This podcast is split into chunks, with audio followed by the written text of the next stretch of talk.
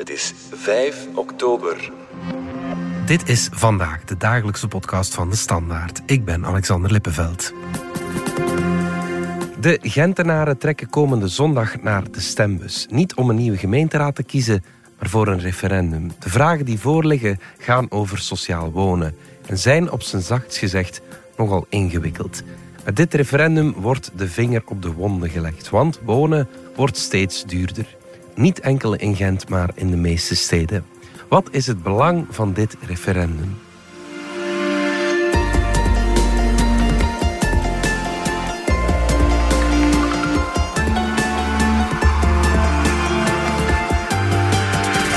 Voor we beginnen nog even dit. Op 10 en 11 november is er de tweede editie van het podcastfestival van de Standaard. Alle fans van de Volksjury, Nerdland, Audiocollectief Schik en nog veel meer, kom naar Oostende, want het wordt een feest voor het oor.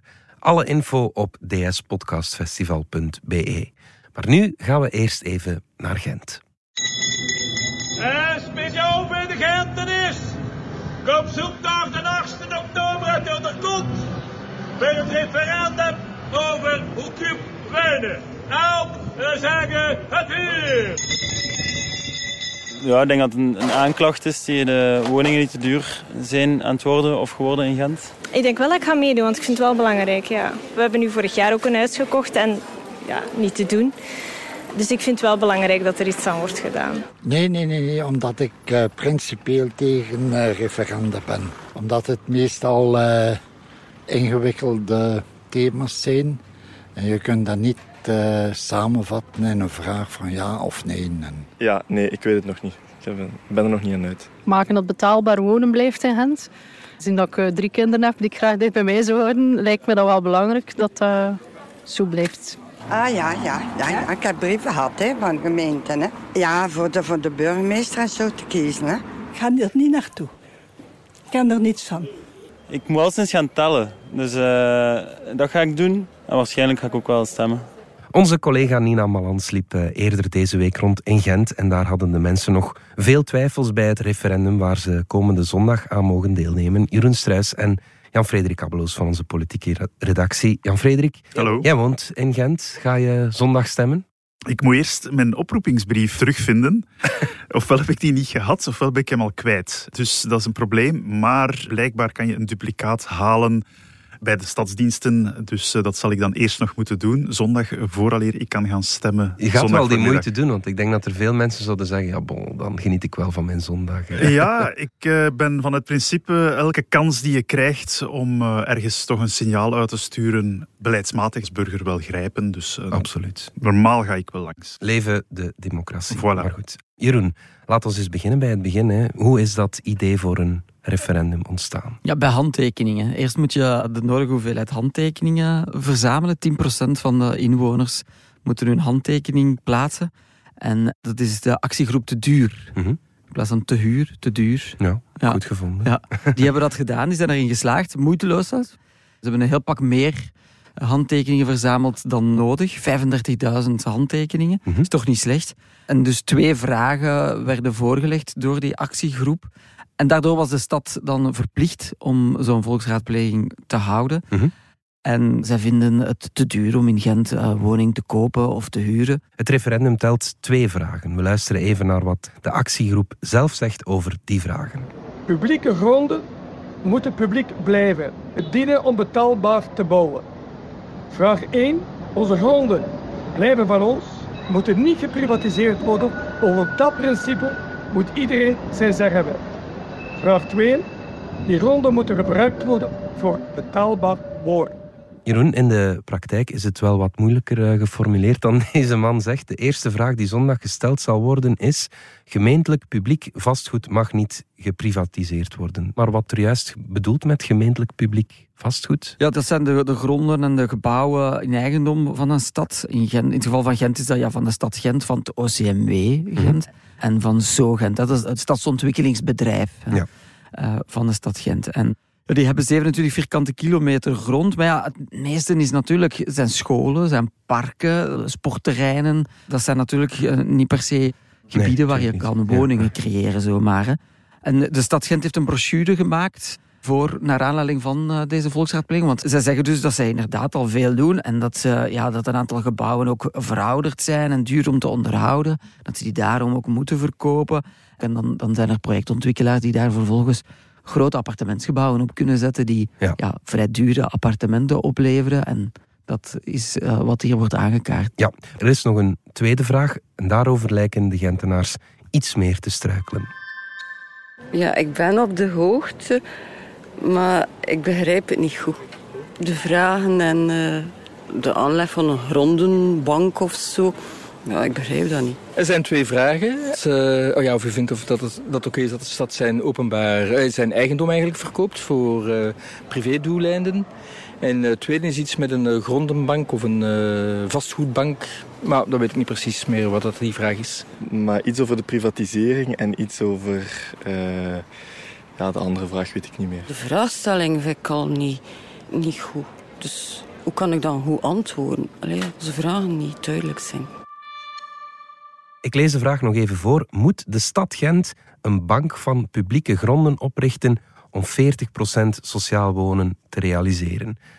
Ik denk dat weinig mensen daar een pasklaar antwoord op hebben. Hè? Mogen we even nog eens gaan zitten en deze vraag tot ons laten komen? Laat, laat ons ze misschien even ontleden. Ja, het is een complexe vraag. is, de vraag is zelfs zo complex dat de actiegroep te duur dus, dat zelfs die interne ruzie heeft over wat er nu precies bedoeld wordt met die vraag. Zo complex is het.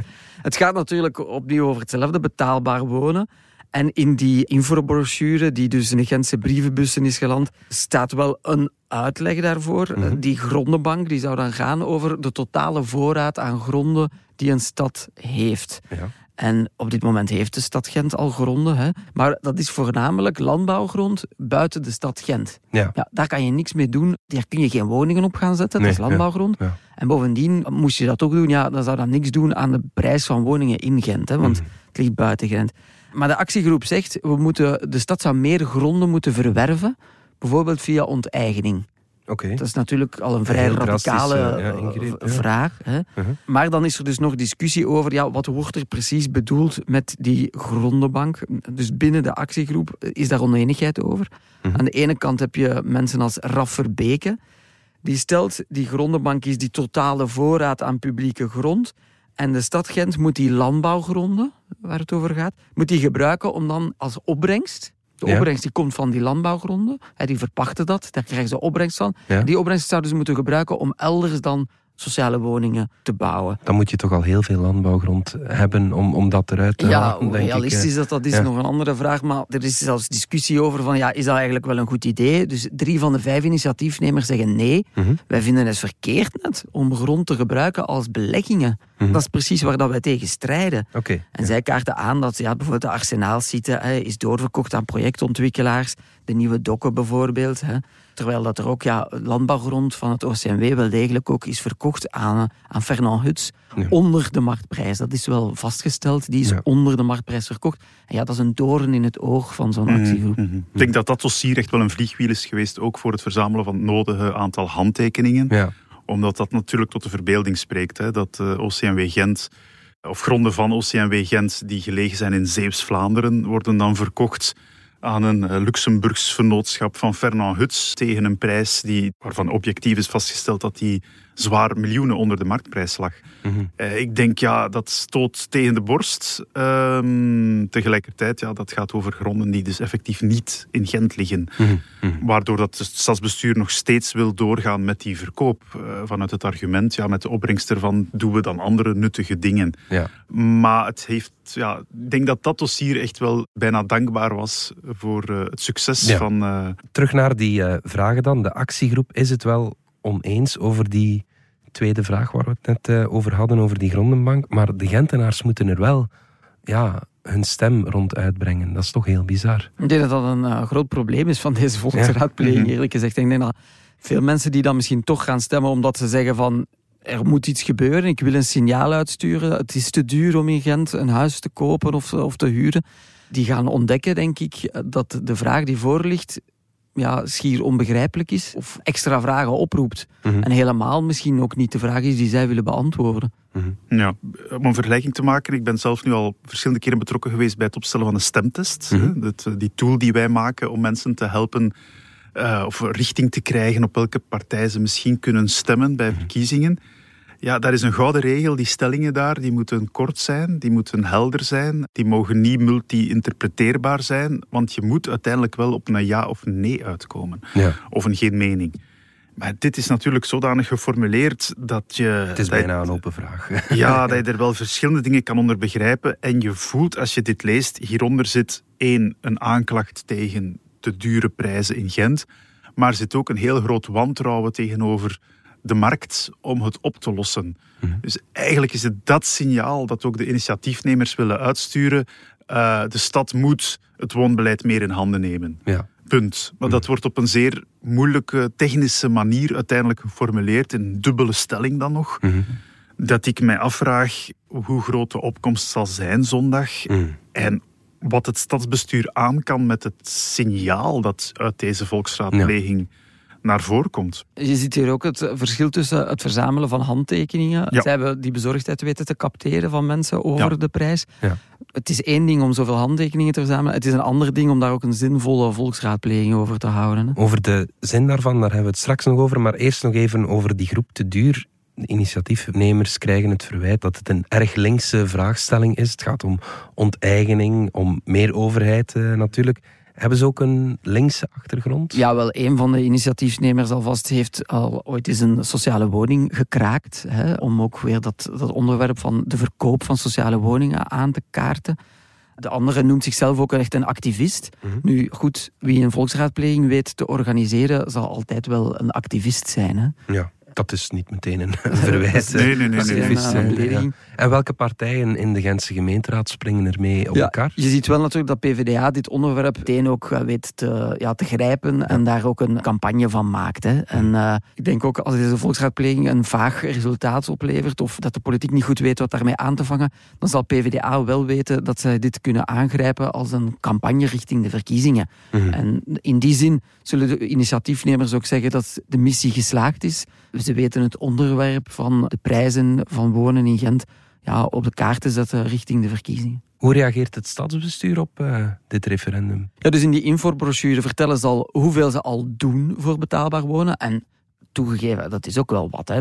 Maar dan zien we wel dat er toch weinig appetijt is om meteen over te gaan tot ja, het onteigen, verder onteigenen. Of, of die vraag geen publieke gronden meer beschikbaar maken. Dat vindt men duidelijk te radicaal Mhm. bij de meerderheidspartijen. Hè. Op die grondbank, daar, daar zeggen ze eigenlijk ja op.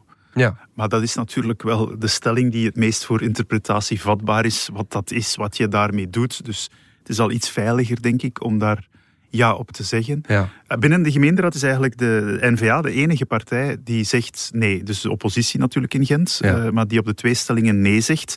PVDA en Vlaams Belang zeggen op de twee stellingen ja. Mhm. En het partijen van de meerderheid die zeggen dus ja op het idee van zo'n grondbank.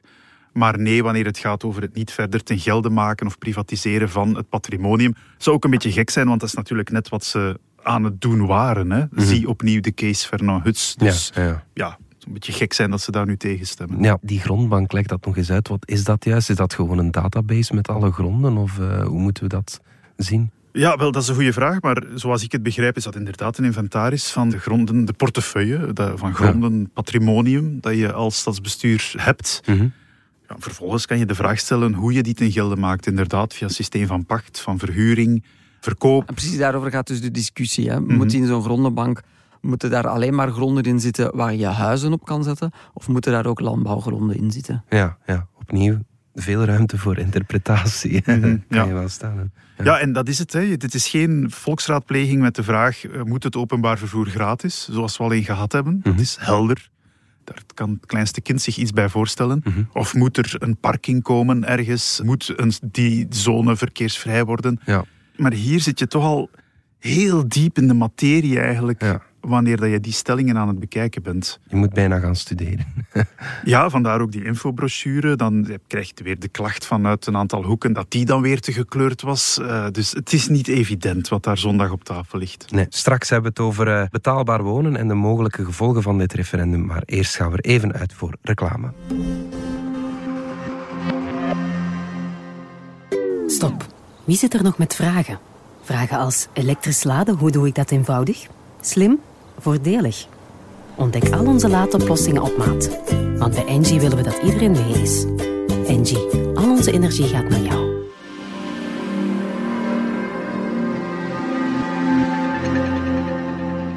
Jeroen, Jan-Frederik, terug naar jullie. Er is geen stemplicht bij dit uh, referendum. Nee. Dat is niet zo. Maar zijn er wel bepaalde drempels voor de opkomst om uh, dit een geldig referendum te maken? Ja, toch wel. Um, eigenlijk is het dezelfde drempel, als ik het goed begrepen heb, van de, de handtekeningen. 10 procent. Dus dat is vlotjes gehaald bij het uh, verzamelen van de nodige handtekening om dit referendum te kunnen hebben. De vraag is, zal er dus nu zondag opnieuw 10% van de Gentenaren, zo'n 27.000 mensen, opdagen om effectief nu te stemmen voor die volksraadpleging. Ja. een mooie zonnige dag, heb ik begrepen, zondag. Eh, dat speelt altijd een beetje in het ja, nadeel, denk ik, van dit soort initiatieven. Mensen kunnen allerlei andere dingen gaan doen op zondag. Maar als er dus geen 10% opdaagt, ja, dan stopt het feest daar al. Ja, wat denken de initiatiefnemers dat Die, het gok- zal die, worden? die mikken op 40 tot 50 procent. Dat is, Ja. dat is natuurlijk, dan heb je echt een signaal ook natuurlijk. Ja, hè? Want ja, dat is ook eh, denk ik een probleem van volksraadplegingen. Als ze daar maar... Goed, ze moeten maar 10 halen, maar als je 15 procent haalt, ja, welk signaal stuur je daar eigenlijk mee uit? Dan heb je de mening gevraagd van 15 procent van, van de stemgerechtigde inwoners. Wat, wat weet je daar dan mee? Ja, Mhm. maar wat als ze die lat van 10%, of het nu 40 of, of 10 is, wat als ze die halen? Wat moet het stadsbestuur daar dan mee doen? Niets, niets. Oké. Dat heeft geen Ja, op ja, zich is dat niet niet bindend. Dus eh, dat is een Je ziet bijvoorbeeld nu ook al die referenda die plaatsvinden in gemeenten over fusies. Mhm, mhm. Hè, zelfs al eh, zegt een gemeente, of, of mensen die komen op daar heel duidelijk, nee, wij willen niet fuseren, dan nog kan de gemeente zeggen, ja, we gaan het toch doen, want het moet. eh, Ja. Omwille van allerlei financiële of andere redenen. Dat zal in Borsbeek misschien zo zijn. Ja, bijvoorbeeld. ja. Hier ook, ja. Het stadsbestuur kan akte nemen van het referendum, zal dat zeker doen, zal dat bespreken in een zitting, maar is niet gebonden aan de uitkomst ervan. Hmm. Natuurlijk, effectief, hè, komt daar straks heel veel volk op af en stemmen die heel helder in een bepaalde richting. Ja, dan wordt het moeilijker om dat signaal te negeren, maar nog altijd kan het. Ja. Is het nadeel misschien niet dat een referendum vooral mensen lokt die aan één duidelijke kant van het debat staan, dat je niet echt een correct beeld krijgt van wat, wat de mensen echt denken? Dat wordt gezegd natuurlijk, hè, dat, eh, dat het ja-kamp of het nee-kamp heel hard mobiliseert. Maar dat is natuurlijk, dat zijn verkiezingen. Dus eh, iedereen weet wat de datum is waarop dat de stembeslag plaatsvindt. Het staat elk kamp vrij om eh, zwaar te lobbyen of eh, de geesten te bewerken. Iemand die een sterke mening heeft over dit onderwerp, ja, die gaat zich meer geneigd voelen om te gaan stemmen dan iemand die vrij neutraal staat tegenover dat onderwerp. hè. Mhm, mhm. Ja. En dit zijn zo vage vragen of complexe vragen dat die groep van eerder neutrale mensen misschien groter is dan toen destijds Ja. bij het verzamelen van handtekeningen waarin je die bezorgdheid uitte. Ik heb ook niet de indruk dat dit een eh, onderwerp is, zoals het hier geformuleerd is, dat op dit moment de passies enorm beroert in het Gentse. Mhm. Zoals je dat wel had met het circulatieplan bijvoorbeeld, Ja. of, of nu het recente nieuwe wijkmobiliteitsplannen die men wil uitrollen. Er zijn soms andere thema's die toch wel ja, meer op de lever van de Gentenaar liggen. Dat wonen, de betaalbaarheid ervan, een groot probleem is. Ja, daar heb je eigenlijk geen referendum voor nodig om dat te weten. Dat is politieke consensus over, daar is ook maatschappelijke consensus over. Mhm. Het is een thema dat gaat al eventjes mee. Hè. Ik herinner mij de vorige gemeenteraadsverkiezingen in 2018. Mhm. Dat was het thema ook al wonen in Gent. Eh, Ten andere heel het, eh, toen het schandaal rond de, de kwaliteit van een aantal sociale woningen in het Gentse heeft toen de campagne heel erg gekleurd. Dus dat thema is niet nieuw. Het besef dat die woningprijzen in Gent het stilaan moeilijker maken voor mensen om, zelfs al zijn ze opgegroeid in Gent, om te blijven wonen in die stad, ja, dat besef is er al lang. En sinds 2018, we hebben het hier openstaan, zijn de prijzen van 294.000 euro gemiddeld voor een huis naar eh, 375.000 en eh klets eh, In vijf gestegen. jaar. Ja, in, in, in vijf jaar tijd. Ja. Stond dit niet hoe dan ook op de agenda van de gemeente? Sowieso, sowieso. De vraag is, wat, wat doe je eraan? Hè? Mhm. Ik zie het ook gewoon zelf in de buurt waar ik woon. Ik heb een huis gekocht 2011. 300.000 euro. De huizen nu bij ons in de buurt, die gaan vlot voor het dubbele van de hand. Soortgelijke panden. Ja. Dat is ook maar op een dikke tien jaar tijd. Dus dat is de beste investering die ik ooit gedaan heb. Maar ik stel mijzelf de vraag of mijn kinderen diezelfde investering gaan kunnen doen. Ik denk dat veel Gentenaars zich die vraag stellen. En je merkt wel, het stadsbestuur heeft lang ook wel dat probleem een beetje, laat ons zeggen, gezien als een soort van slachtoffer van succes. hè. Gent wordt plots veel aantrekkelijker dan het was in de jaren 80, zelfs tot in de jaren 90 was er een stadsvlucht. Ja, nu zie je die omgekeerde beweging. Met heel veel nieuwe studenten ook. Dus er is een hele grote druk op de, op de studentenquote, op de woningmarkt, de huurmarkt. Maar ja, nu komt wel het punt dat je wel moet zeggen, wat gaan we hier nu aan doen? Hè? Wat zijn de tools van een stadsbestuur om dit nog te keren? Wat zijn die tools? Ja, dat is, eh, dat is een goede vraag. Want ook daar zal voor een deel, denk ik, toch bijvoorbeeld de liberalen in het bestuur, die zullen zeggen van ja, bon, we zijn nu eenmaal een stad die een trek is. Er komen veel mensen bij. Het is dus de vraag die enorm veel druk zet op de prijs. En ja, het aanbod kan maar tot op zekere hoogte volgen. Dus je krijgt dan ook wel een debat over hoeveel studenten wil je eigenlijk nog in je stad hebben. In Leuven heb je een soort gelijk fenomeen. Je kan dan niet ja, eeuwige groei hebben van die studentenpopulatie zonder dat dat neveneffecten heeft op de rest van je woningmarkt. Het is ook een centrumstad. Dat betekent, er zijn veel functies daar. Ook veel nieuwkomers die graag in centrumsteden hun leven uitbouwen. Dus dat is een extra kanaal. Waar de stad, haven, eh, een haven. economische activiteiten. De stad heeft niet allemaal de manier om in te grijpen op die stromen en op die stijgende vraag. Dus dan kom je toch bij de vraag wat een stadsbestuur kan doen aan het aanbod. Dat is de bouw van sociale woningen. Wat zijdelings dus aan bod komt in dit, eh, in dit referendum. Is een, een zekere regulering van het aanbod. Hoeveel laat je toe bijvoorbeeld qua studentenquote, qua hotelfunctie, Airbnb's, al dat soort zaken. Laat je nog gewone panden opdelen om er studentenquote van te maken? Ja, dat is ook een beetje paal en perk aangesteld. Dus men doet wel dingen, zoals Jeroen ook zei. Men probeert een aantal kangoeroewoningen, co-housing makkelijker te vergunnen, te faciliteren. Maar bon, je hebt de indruk dat het niet genoeg is. Ja. Tot slot eh, nog even terug naar eh, het referendum. Moeten we dit toejuichen of wordt het eigenlijk te veel gebruikt als een campagnemiddel, zeg maar? Het was niet de bedoeling, denk ik, van de initiatiefnemers per se om een campagnemiddel te zijn voor een of andere partij. Ik denk wel dat er een oprechte vraag achter uh, schuil gaat. Een oprechte actie ook. Anders ja, bedoel, je krijgt het ook niet zomaar. Op zich is het een goede oefening in democratie. Natuurlijk, het is een dure oefening. Hè. Het is een oefening van een miljoen euro, Mm. wordt gebudgeteerd. Daar kun je al een paar sociale woningen voor bouwen. Als ik even populistisch uh, mag gaan. Ja. Ik denk dat het, uh, los van het, ja, het feit dat we denk ik, dit soort initiatieven op zich moeten toejuichen en burgerinitiatieven allerhande, is er vooral sprake in mijn ogen van bad timing. Mm. Dit komt te laat in de legislatuur om nog door het huidige stadsbestuur opgepikt te worden en iets te kunnen doen. Mm. En het komt eigenlijk net te vroeg om, naar mijn aanvoelen, nog talk of the town te zijn tegen de gemeenteraadsverkiezingen die pas oktober 2024 zullen zijn. Ja, ja. En waarin dat ja, wonen sowieso een thema zal zijn, maar zal dat debat dan fundamenteel gestuurd worden volgens de lijnen van deze volksbevraging? Ik heb mijn twijfels daarover. Laat staan dat de volgende ploeg die aan zet komt in 2025, het start van een nieuw stadsbestuur, zich gebonden zal weten door deze volksbevraging. Ik denk het niet, maar goed. Veel zal afhangen natuurlijk van de opkomst zondag en de richting uh, die het signaal uh, geeft. Ja, absoluut. Goed, Jeroen Struis, Jan-Frederik Abeloos, dank jullie wel. Graag gedaan. Dit was vandaag de dagelijkse podcast van de Standaard. Bedankt voor het luisteren. Volg ons op Spotify, Apple Podcast of eender welk ander podcastplatform. Of download de vernieuwde app DS Podcast, waar je ons werk en de beste luistertips van onze redactie terugvindt. Alle credits van de podcast die je net hoorde, vind je op standaard.be-podcast. Reageren kan via podcast.standaard.be.